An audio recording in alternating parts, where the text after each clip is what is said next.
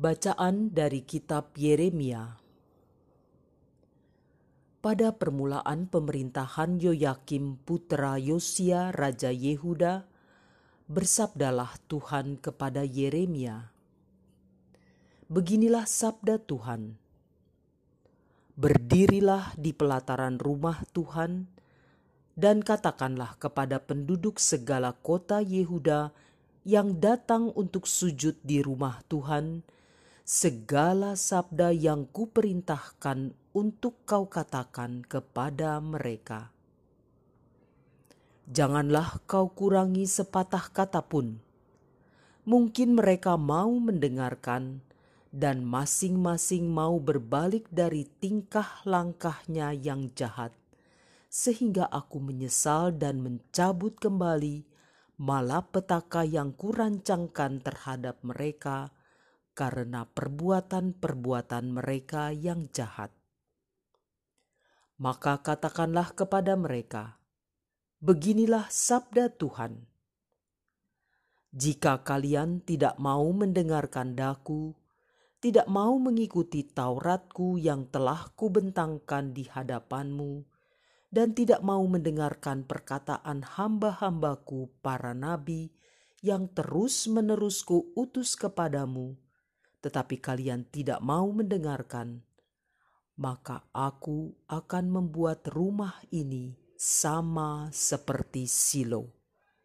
Dan kota ini menjadi kutuk bagi segala bangsa di bumi para imam, para nabi, dan seluruh rakyat mendengar Yeremia mengucapkan perkataan-perkataan itu dalam rumah Tuhan. Sesudah Yeremia selesai mengatakan segala yang diperintahkan Tuhan untuk dikatakan kepada seluruh rakyat, maka para imam, para nabi, dan seluruh rakyat itu menangkap dia serta berkata, engkau harus mati. Mengapa engkau bernubuat demi nama Tuhan dengan berkata, rumah ini akan sama seperti Silo dan kota ini akan menjadi reruntuhan sehingga tidak ada lagi penduduknya. Dan seluruh rakyat berkumpul mengerumuni Yeremia di rumah Tuhan. Demikianlah sabda Tuhan. Demi kasih setiamu yang besar, jawablah aku ya Tuhan. Orang-orang yang membenci aku tanpa alasan lebih banyak daripada rambut di kepalaku. Terlalu besar jumlah orang yang hendak membinasakan aku, yang memusuhi aku tanpa sebab aku dipaksa untuk mengembalikan apa yang tidak kurampas. Demi kasih setiamu yang besar, jawablah aku ya Tuhan.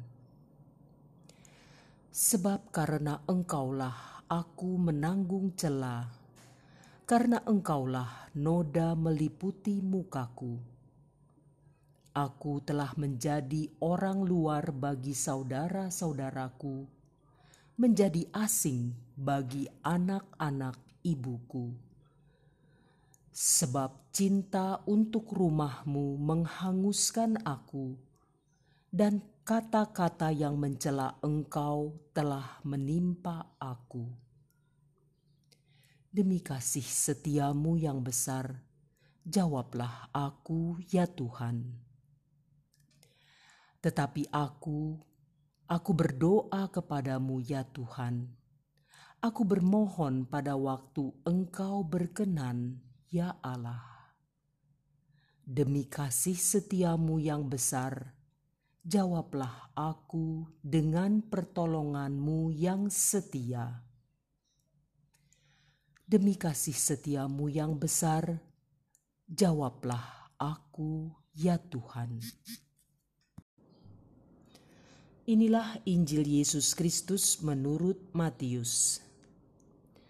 Pada suatu hari, Yesus kembali ke tempat asalnya.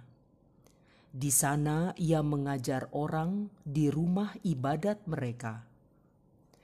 Orang-orang takjub dan berkata, "Dari mana diperolehnya hikmat itu? Bukankah dia itu anak tukang kayu? Bukankah ibunya bernama Maria dan saudara-saudaranya Yakobus, Yusuf, Simon, dan Yudas?" dari mana diperolehnya semuanya itu? Lalu mereka kecewa dan menolak Dia. Maka Yesus berkata kepada mereka, "Seorang nabi dihormati di mana-mana, kecuali di tempat asalnya sendiri dan di rumahnya." Karena ketidakpercayaan mereka itu, maka Yesus tidak mengerjakan banyak mujizat di situ. Demikianlah Injil Tuhan.